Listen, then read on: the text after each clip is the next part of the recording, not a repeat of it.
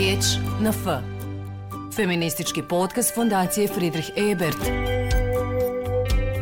O aktuelnim temama do principa ravnopravnosti. Aktivizam, politika, obrazovanje, ekonomija, umjetnost, nauka, kultura. Riječ na F. Feministički podcast Fondacije Friedrich Ebert. U ovom izdanju podcasta razgovaramo sa ženom koja je svoj radni vijek provela u kantonalnoj bolici Zenica. Kao medicinska sestra 20 godina na ginekologiji i drugih 20 na porođajnom odjelu dječja soba. Zašto smo se odlučili napraviti ovaj razgovor? Zbog specijaliziranog znanja koje se steklo iskustvom i radom sa porodiljama. Prvenstveno ovdje mislimo na uspostavljanje dojenja njegu novorođenčadi, edukaciju majki o pravilnoj ishrani beba. Iz vašeg iskustva, najprije zašto dojiti? Iz perspektive i majke i bebe. Za majku, prvo ću reći za majku prednost dojenja. Znači, 80% majki žena ne oboljevaju od karcinoma dojke. Nastaju kontrakcije prilikom dojenja. Ono kad kaže majka, boli me stomak, Znači da su to nastale kontrakcije koje izaziva dojenje i tad joj ne trebaju nikakve tablete što se prije davalo tablete. Ergometrin se davo da se izazivaju te kontrakcije. Sad ne daje se više majkama. Sad se znači izlučuje hormon oksitocin koji izaziva te kontrakcije, a i otpušta mlijeko. Spajanje majke i bebe je vrlo bitno da majka osjeti tu bebu, odnosno da beba stvara svoje samopouzdanje sa tim samim činom dojenja. A za bebu, ja često kažem majkama da je taj kolostrum i pamet i zdravlje. Znači da joj daju sve ono što je potrebno bebi, antitijela, lijekovi, antibioci, sve to šta majka daje bebi. Možemo li sad za početak eh, dati nekoliko praktičnih savjeta, eh, a koji se tiču dojenja? kako dojiti za početak, kako pravilno napraviti zahvat sa bebom. I uvijek kaže majkama kad hoće da doje bebu, da nikad bebu uznemireno ne stavljaju na duljku, jer beba prepozna nije nemir i e, majka prenosi... sebe smir. Yes, majka prenosi taj svoj nemir i svoju nervozu prenosi na, na, na bebu. Jer beba jedino prepoznaje majku. Bila je kod nje devet mjeseci jedino slušaj njene otkucaje srca. I beba zna to prepoznati i to je jedan bitan moment kad beba prehvata dujku. Potrebno je da se beba poslije poroda odmah stavi majci na dujku, da ide kontakt koža na kožu. Da bi se tu pospješlo dojenje i izazu se proces stvaranja većeg kolostruma i tada i majka i beba se spajaju. Znači, da bi beba pravilno dojela, prvo mora otvoriti jako usta. I vi joj, kad jako otvori usta, hvatate e, dojku sa C e, zahvatom, tako da joj bradavica bude slobodna. Znači, ne pri bradavici stavljati ruke, već dalje od bradavice da je bradavica slobodna. Kad beba jako otvori usta, gurnete bebi dojku usta, tako da donja usna bude ispod savijena, a bradavica dođe u nepce udara. I tad se stvara taj vakum koji izaziva e, refleks dojenja gdje beba doji. Ne smije boliti. Ako beba uhvati plitko bradavicu, onda će biti bol, znači da nije pravilno uhvatila. Onda vadite bebi bradavicu iz dojke, što je stavite mali prst stavite joj na uga usana i tad joj prekidate taj vakum, beba će otvoriti usta i vi joj ponovo stavljate. Ponovo ću naglasiti da bebu nikad uznemirenu ne stavljaju na dojku i nikad bebi ne otvaraju usta oni na silu da bi stavili brdavicu. I mora osjetiti te pokrete bebe, vidi pokrete bebe i osjeti majka u dojci kako beba ritmično doji. Jako je važno napomenuti da bebe kad doje prave pauze. Često kažu majke vam beba ili neće.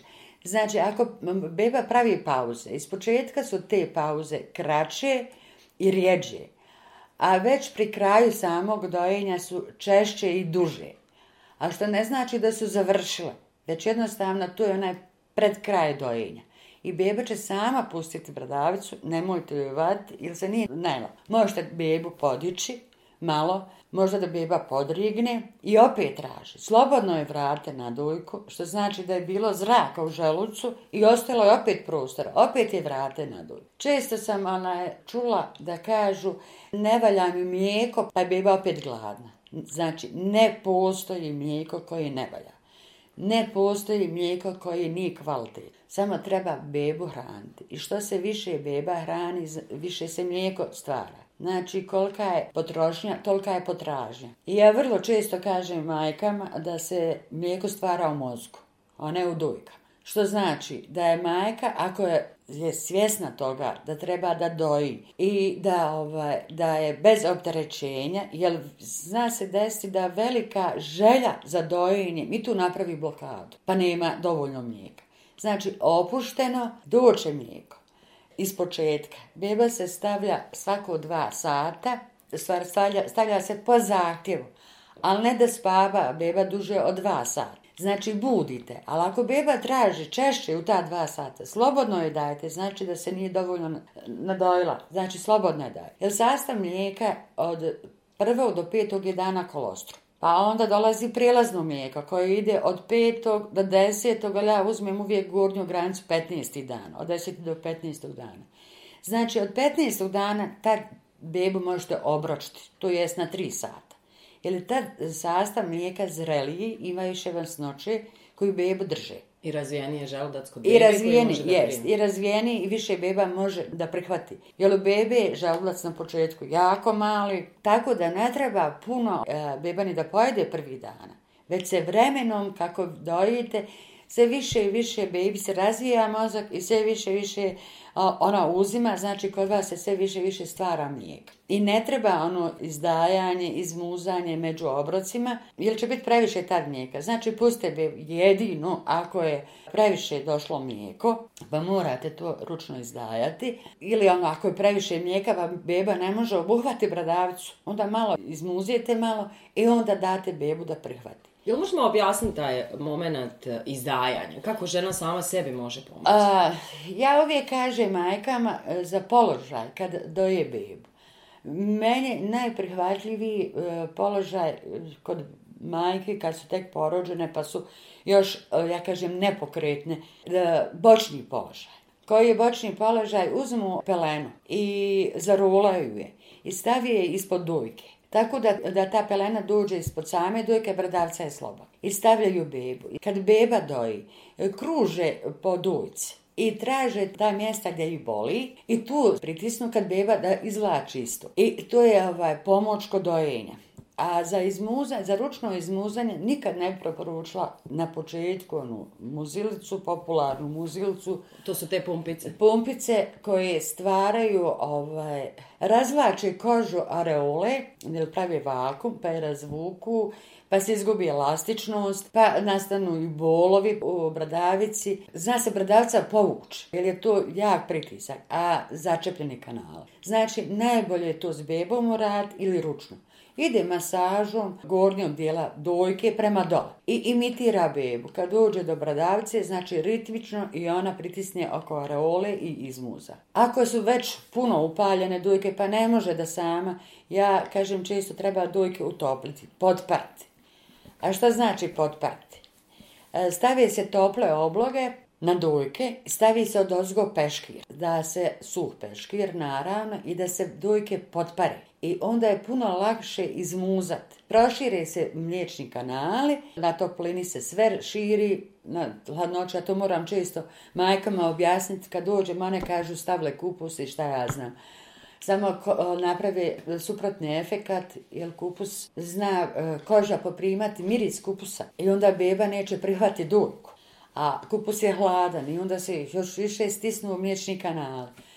Znači, treba proširiti kanal. A Može i, i ona to rad, pa uzme sapunce, pa namaže dojke, pa joj lakše klizi. Recimo ja uzmem bebi ulje ili kreme za dojke s lanolinom koji su efikasne kod masaže i masiraju i traže ta mjesta i vrši pritisak na ta mjesta, ali moraju to izmustiti. Vrlo često žene kažu neće dijete da prihvati dojku. To vrlo često jest, vrlo često se to dešava, kaže neće, ne mogu ga razvuditi. Zna beba biti malo uspavana, pogotovo iz početka. E šta je još tu problem? Ja vrlo često se susrećem s tim problemom kad dođem kod bebe i prvo pogledam bebu. Znaju bebe podhlađene. Jer kod beba termoregulacija nije razvijena, a pogotovo kod prijevremenih beba. Znači nije termoregulacija razvijena i njima je hladno i oni se ušuškaju i spavaju, a svu energiju troše da se dodatno dogriju. Znači, bebu treba dogrijati. A šta znači dogrijati bebu? Ne utopljavanje prostorije Znači, treba bebi obući kapicu. Jer je e, glava najveći otkriveni dio kuda beba gubi temperaturu. Znači, bebu treba dogrijati, stavite joj kapicu i kad vidite da to da je to efikasno, da povremeno skidate tu kapicu pa ćete vidjeti dalje kako se beba zagrijava. Znači ne treba sad e, da vi prostoriju grijete, vama svima topla, a bebi dalje hladno. Znači treba bebu dogrijati. I to je jedan od od momenta kad beba odbija dujku. Znači kad je podhlađen, neće da doji. Onda nepravilan položaj e, majke, nepravilno davanje. I tad beba neće da prihvati dojku. Znači morate se namjestiti da dođe bradavica kod bebinih usta, da ona omiris Uzmite malo kap mlijeka pa malo istisnite na bradavicu. To sam zaboravila reći kad, kad je beba pravilno doji. Uvijek mora brada bebina biti uz dojku jer ona pokretima brade masira doj i pospješuje da mlijeko ide.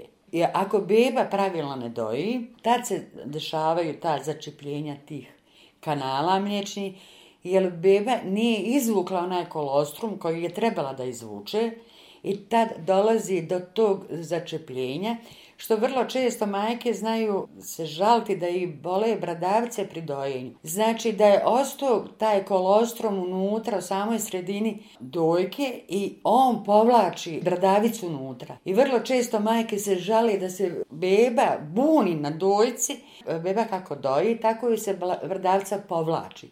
Znači mora biti bradavca slobodna.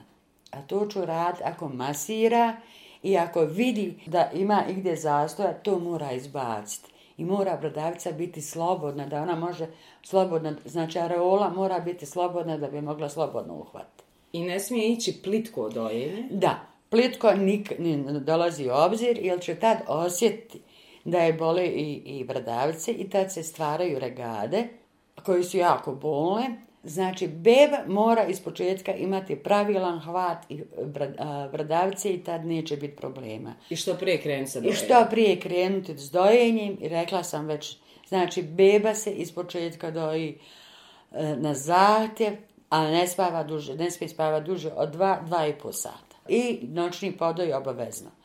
I ide jedna dujka do kraja, znači na kraju dolazi jedan podoj i jedna dujka, znači na kraju dolazi masnoće, koji su jako bitne bebi da izvuče.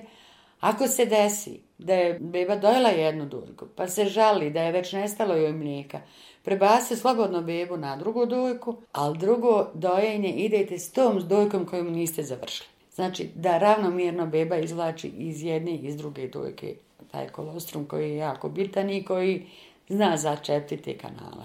Najviše poziva koje dobijate jesu ti pozivi koji se odnose na takozvani mastitis, ili infekciju dojki? Pa najviše me za ovo kad je dođe za ti začepljenja, u stvari do staze, zastoja mlijeka. Kod staze još nema temperature, a kod mastitisa ima temperatura. A staza je znači sama onaj zastoj mlijeka koji je ostao u, kanalima koji beba nije izvukla. Zbog tog najviše imam i poziva i zbog ovog što, što, što nije slobodna brdavca odnosno rola što ne može beba uhvati. Znači da je zastoj mlijeka u, kanalima i ja to masažom, koja je vrlo bolna, jest, ali kaže majkama uvijek ljubav boli. Pa se ona ovaj, pomiri s tim, pa onda kažu, joj što nisam muško, pa što, ne, što moram ja proći ko žena ovo, što ne prolazi muškarac. Onda njima često kaže, ali muškarac ne, može osjetiti tu ljepot dojenja. Kad vas poslije beba lijepo doji, kad osjetite tu bliskost, kad vas beba rukicama ohvati, pa vam masira ona sama dojku, to muškarac ne može osjetiti. E, tu je ljepota tog dojenja i majčinstva. Često se dešava da, da, da majke neće da doje ako imaju temperaturu od, od mastitisa. Znači, ako je poznat razlog visoke temperature, ako je to e, temperatura od, od dojke, slobodno može dojiti. To nije kontraindikacija. Čak zapravo je i bolje. Čak i bolje, ljubeba pomaže, to kaže doktor. Ako je majka prelađa, ima maska, ruke operi, masku stavlja i to nije problem za dojenje. Riječ na F. Feministički podcast Fondacije Friedrich Ebert. Samo 1% majki ne može proizvoditi dovoljno mlijeka. Pa evo, ja sam se za, za ovo svoje za ovaj svoj radni staž koji traje već više od 40 godina, samo jednom susrala da, da, da majka nema mlijeka. Samo jednom slučaju, ja znam koliko je prošlo. I stvarno majka nije imala mlijeka, je li to neki hormonski poremećaj? Ne znam znat na to odgovor. Stvarno žena nije imala. Htjela je, ali stvarno nije imala mlijeka. I još se dešava da majke imaju problema sa bradavicama. To jest uvučene bradavice ili nepostojuće bradavice koje su uvrnute unutra i stvarno tu majke ovaj, ne mogu spostaviti dojenje. A kod malo uvučenih bradavica postoji silikonske bradavice ili popularno šeširići koji su vrlo popularni i praktični i stavljaju se na bradavicu, ali prije toga se mora malo očepiti dojka da malo kreni taj kolostrum, znači mora se malo pritisnuti jer beba malo je, e, treba više snage da povuče na tu silikon i i malo se naguta zrak. Ali kad su već očepljene, to super ide, znači taj šešireć isto tako prihvata ako i bradavicu. Znači isti je hvat, isti je položaj, isto je sve. Znači te bradavice se moraju ovaj, držati čiste, sterilne, otkuhavanje, to malo jest problem, ali se zna desiti vremenom da se formiraju te bradavice, pa da majke izbacuju te šešireće i gdje još se upotrebljavaju ti šeširići. Imala sam slučajeva da su majke davale flašicu, pa su onda htjela da doje, međutim kod e, bebe hvat flašice i hvat bradavice je različit. Da li tu stvarati preporuku da se ne ide na tu varijantu kombinovanja, jer nakon flašice se djete teže vraća na Jest, Onda sam znala vraćati ovaj, bebe na dojku sa, sa tim šeširćima, jer im je ovo malo bliži flašic. Pa su znali prihvati ovaj, i, i dojku sa tim šeširćima. Onda kaže majkama da vremenom izbacuju, da pokušavaju, vremenom će beba se vrati na bradavcu. A ako što se tiče flašica dojka, flašica dojka, ako baš majka nema dovoljno mlijeka, misli da nema. I najveći je problem u dojenju. I to kažem i majkama, nesigurnost koliko je beba dojela. Znači nema one mjere flašice da vidi brojku koliko je beba dojela, pa onda ne zna su dovoljno, pa i tu je strah, i to zna zostav doji. Ali zato imaju pelene. Znači, beba kada doji pravilno mora imati 6 do 7 upičkini pelena, mokri pelena. I to je znak da je beba dojela. Može kakiti svaki put kad je skinete, do pet stolica, ona može imati ono manje količinski stolice, a može beba i do pet dana da ne kaki. To je na dojci. Nije to problem? Nije to problem. Na dojci može da ne kaki pet dana, znači beba uh, uzima sve iz mlijeka i ne pravi nikakav problem. Ali mora piškiti. To je ta mjera što, što ne vidite u flašici Znači, to je ta pelene. I kad beba, svaka beba izgubi 10% od, od e, težine, do petog dana beba gubi. Već počne od petog dana da se kreće ta kilaža pozitivno. Znači, kad beba do 10-15 dana vrati svoju porođajnu kilažu, znači da je to super. Što se tiče flašica, flašica dojka, uvijek se ide prvo dojenje, pa onda možete dohran Ako baš da izbjegnete flašicu, možete uzeti našpricu davati bebi da bi je vratili na dojku. Da, da ne osjeti tu flašicu. Znači na špricu navučete mlijeka i slobodno date bebe, tako fino vuče i šprice. Polako ju dajete i neće se naviknuti na flašicu. Cilj je da se ne navikne na Cilj je da se ne navikne, jest. Neki praktični savjeti još što se tiču kupanja bebe, da li osipa kod bebe, pupka. A što se tiče kupanja bebe, beba se kupa bez obzira što nije otpao pupak Često nailazim na taj otpor, kaže će bebo da kupa zato što nije pupak otpao. Pa im ja odgovorim, pa šta misliš kako se beba kupala u, u, u porođajnoj sali, u sobi? Znači mora se beba poslije poroda kupati i tad je postoji pupak. Znači beba se slobodno kupa s, sa pupkom koji nije otpao još.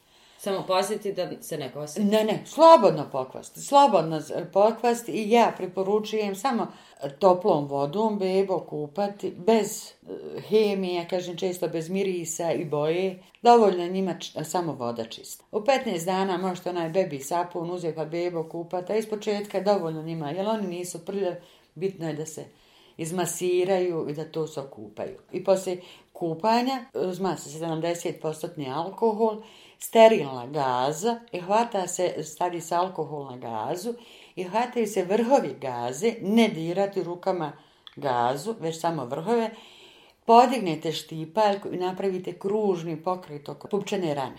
I tu bacate, u jednom smjeru napravite i bacate.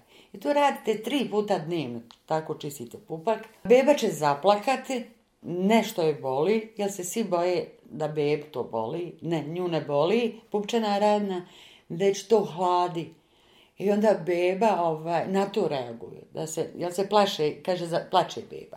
Prije kupanja treba obratiti pažnju ima li beba osip pokož ili tako zvani toksični eritem ili, ili piodermija. Toksični eritem je crvenilo kože, onako malo hrapovo i tad se preporučuje kupanje bebe u blagom rastvoru hipermangana.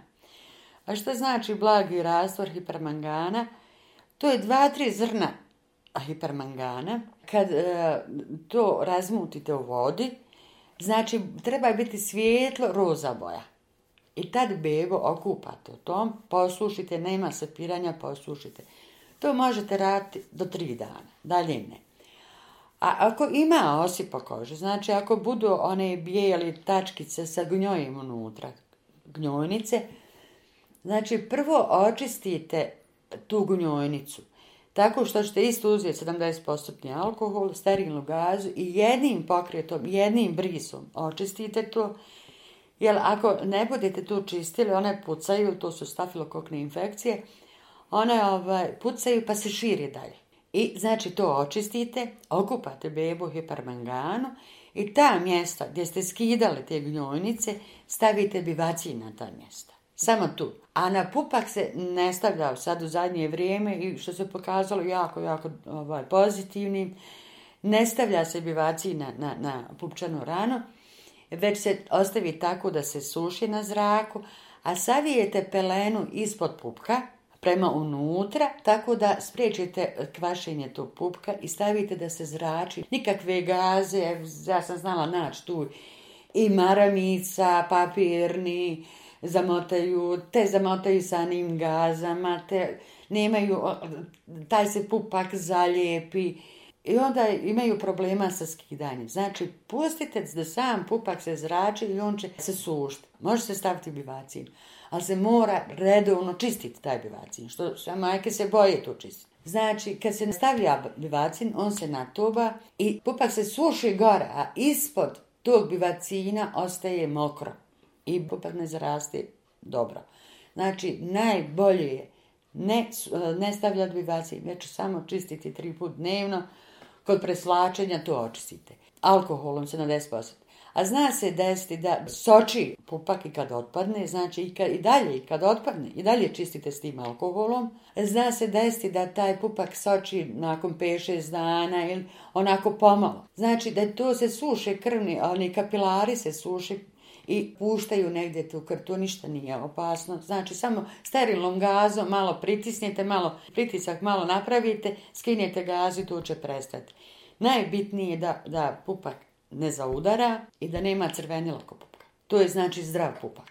Da kažem, još i to sam imala često ovaj, panično, su znali majke zvati i pitati i, i čuvati mi pelene da mi pokažu Kod beba zna biti vrlo često e, kad piški naranđasta boja na peleni. Pa se majke prepadnu kako je to krv. To je sve normalno. Znači, to su hormoni i koji se izbacuju. To je znači normalna pojava da bude na peleni naranđasto. Jači, jači naranđast trag.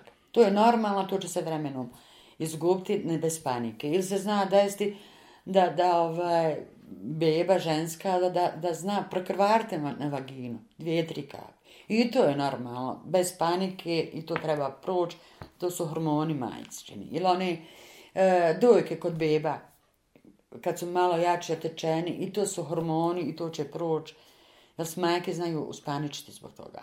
Zaborila sam reći, znači kako god prilazite bebe, uvijek ruke morate prati. To je pranje ruku i pogotovo ako ima beba piodermiju, pranje ruku i sam pranje ruku jer se sve rukama prenosi. Zapravo najčešća riječ e, koju upotrebljavaju i doktori ili bilo kad, kad smo u dodiru sa medicinskim momentom jeste stres. Upravo je stres i anksioznost prepreka za dojenje, ali s druge strane jedan od osnovnih razloga zbog kojih može doći do prestanka mlijeka kod Pa zato sam ja rekla uvijek da se mlijeko stvara u mozgu. Znači, mlijeko se stvara u glavi. Znači, mozak je taj koji nam diktira sve. I od njega i kreće sve. E, jes, tačno, e, stresne situacije znaju biti prepreka za dojenje. I, ili kaže majka, danas sam mm, podojila bebu i odjednom nema mlijeka, više nema ni kap.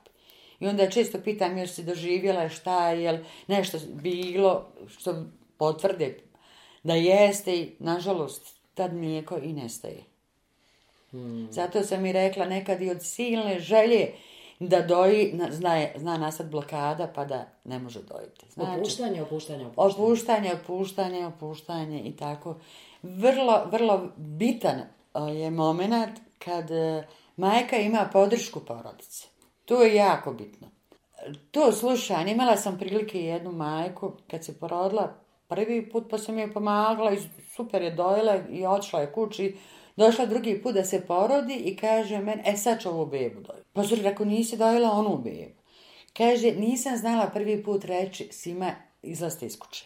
A sad ću, kaže, znate reći. Jel su mi svi doš, dođe sve krva, dođe mama, nemaš mlijeka, daj flašicu, tebi ne valja mlijeko, tebi... E sad ću im znati svima reći da ja znam i da više neću slušati te priče. Bilo bi lijepo zapravo svim ženama u nekom trenutku poručiti da osvoje svoj vlastiti prostor. Upravo to. I, i još jako je bitno, ja to isto kažem svojim majkama, morate slušati jednu osobu što se tiče savjeta i morate slušati još dvije osobe. To je sebe i bebu. Znači, slušaš bebu i ti osluškuješ svoje osjećaje. Beba će ti najbolje reći. Ona je tvoj doktor najbolji. Jer beba i sa pravilnim dojenjem njoj pomaže to izmuzanje i oslobađanje tih hormona i tog stresa. Jako je bitno pomenuti da imaju tri vrste plaća kod bebe koju majka mora prepoznati. Ima plać bola, plać gladi i plać maženja. Znači, plać gladi, beba plače, traži uh, ustima, pokretima glave, otvara usta i daje do znanja da je gladna. E, plač bol, što, je popularno što kažu grčevi. Plač bola beba se ova, izvija, kupi noge prema gore, crveni se znači da tad plač bola. Normalno, ako nema beba temperaturu, ako je e, jela, piškila, kakla, znači da su to ti grčevi. Tu je plač taj bola i plač ono kad kenka, e tad hoće da, da priča s mamom. Tad je dovoljno da je mama uzme kod sebe i da je e, mazi, da joj priča, jer ona prepoznaje svoju mamu preko otkucaja srca koju sam već rekla. Znači, taj miris, jer beba sa prvi mjesec dana samo osjeti mirisu. I ona hoće taj miris, hoće tu blizinu smirene majke. A da bi bila smirena majka i dobra dojlja, mora imati e, okolno pozitivno, bez pritiska, i da redovno spava i da redovno jede i da se tad posvijeti svojoj bebi. Pomenuli ste u jednom trenutku sada i grčeve. Vrlo često majke e, pričaju. Imate li tu nekakav savjet? Pa, ovaj, često se grčevi, normalno, tad se stvara, beba je bila u sterilnoj sredini, nije bilo tad rada stolci, sad su to novi momenti gdje se javljaju novi refleksi, ono trzanje bebe, to su sve refleksi koji se bude. I normalno sad idu ti sokovi se prave i to izaziva kod bebe grčeve. Šta je najbolje u tom? Kad beba doji, trebalo bi da, da, da beba izbaci taj zrak, što možete ono podignite bebu, pa je stavite sebi na ramena, pa je ovaj, lagano tapšite po ovaj, po leđima i kružnim pokretima u suprotnom smjeru sata. A ako je masirate po stomaku, onda idete u, smjeru sata. Te masaže, onda može masaža nogu kad beba treba, kod ide na, na tutu, pa je radite kao kod kukova, radite im pokrete nogom nogicama. Tako da ubrzate tu pasažu crijeva da, da taj zrak iziđe iz crijeva vrlo često majka to zna prepoznat, beba pusti vjetar pa se ovaj, smiri, što znači da ima zraka pa bebi, taj zrak je predstavlja problem. Ali na dojci ti grčevi puno su blaži, kraći i vremenski kraći traju. Dok na vještačkoj israni puno su jači i duže traju i, i, i jačeg i dužeg. Prednost dojenja. Samo još da napomenem, Kod položaja ono koji sam ja govorila za dojenje, kad majka leži na boku. Prilikom dojenja se izlučuje hormon sreće koji često izaziva spavanje. Pa ja uvijek kažem majkama, bar iz početka ovo dok su umorne od poroda i ovog dojenja, Uvijek je dobro da je tu neko prisutan dok ona doji, tako da ne bi slučajno zaspala. Jer hormon izaziva spavanje, pa se Zapravo, opuštanje pa Opušta... Jest, opuštanje, to, je gdje taj problem. A položaj kao dojenja, najbitniji da je majka udobna. Sjedi ili leži, znači majka se i onda majka prema sebi bebu stavlja. Vrlo sam često našla položaje majka kleči i doji bebu kao neće i drugačije. Ti položaj izazivaju i otpor prema dojenju i, i, i stvaranje regada. Što zapravo beba se osjeti. Beba osjeti, ali ne može majka izdržati to dugo taj položaj. Znači mora se namjestiti i uvijek se namješta prvo majka i bebu prema sebi, a ne ona prema bebi. Beba je zdrava ako kaki, piški jede. To je najbitnije. Riječ F. Feministički podcast fondacije Friedrich Ebert uz ironiju poigravamo se stereotipima s kojima se patrijarhat obračunava sa feminizmom, želeći da mu oduzme političku relevantnost. Riječ na F. Feministički podcast Fondacije Friedrich Ebert.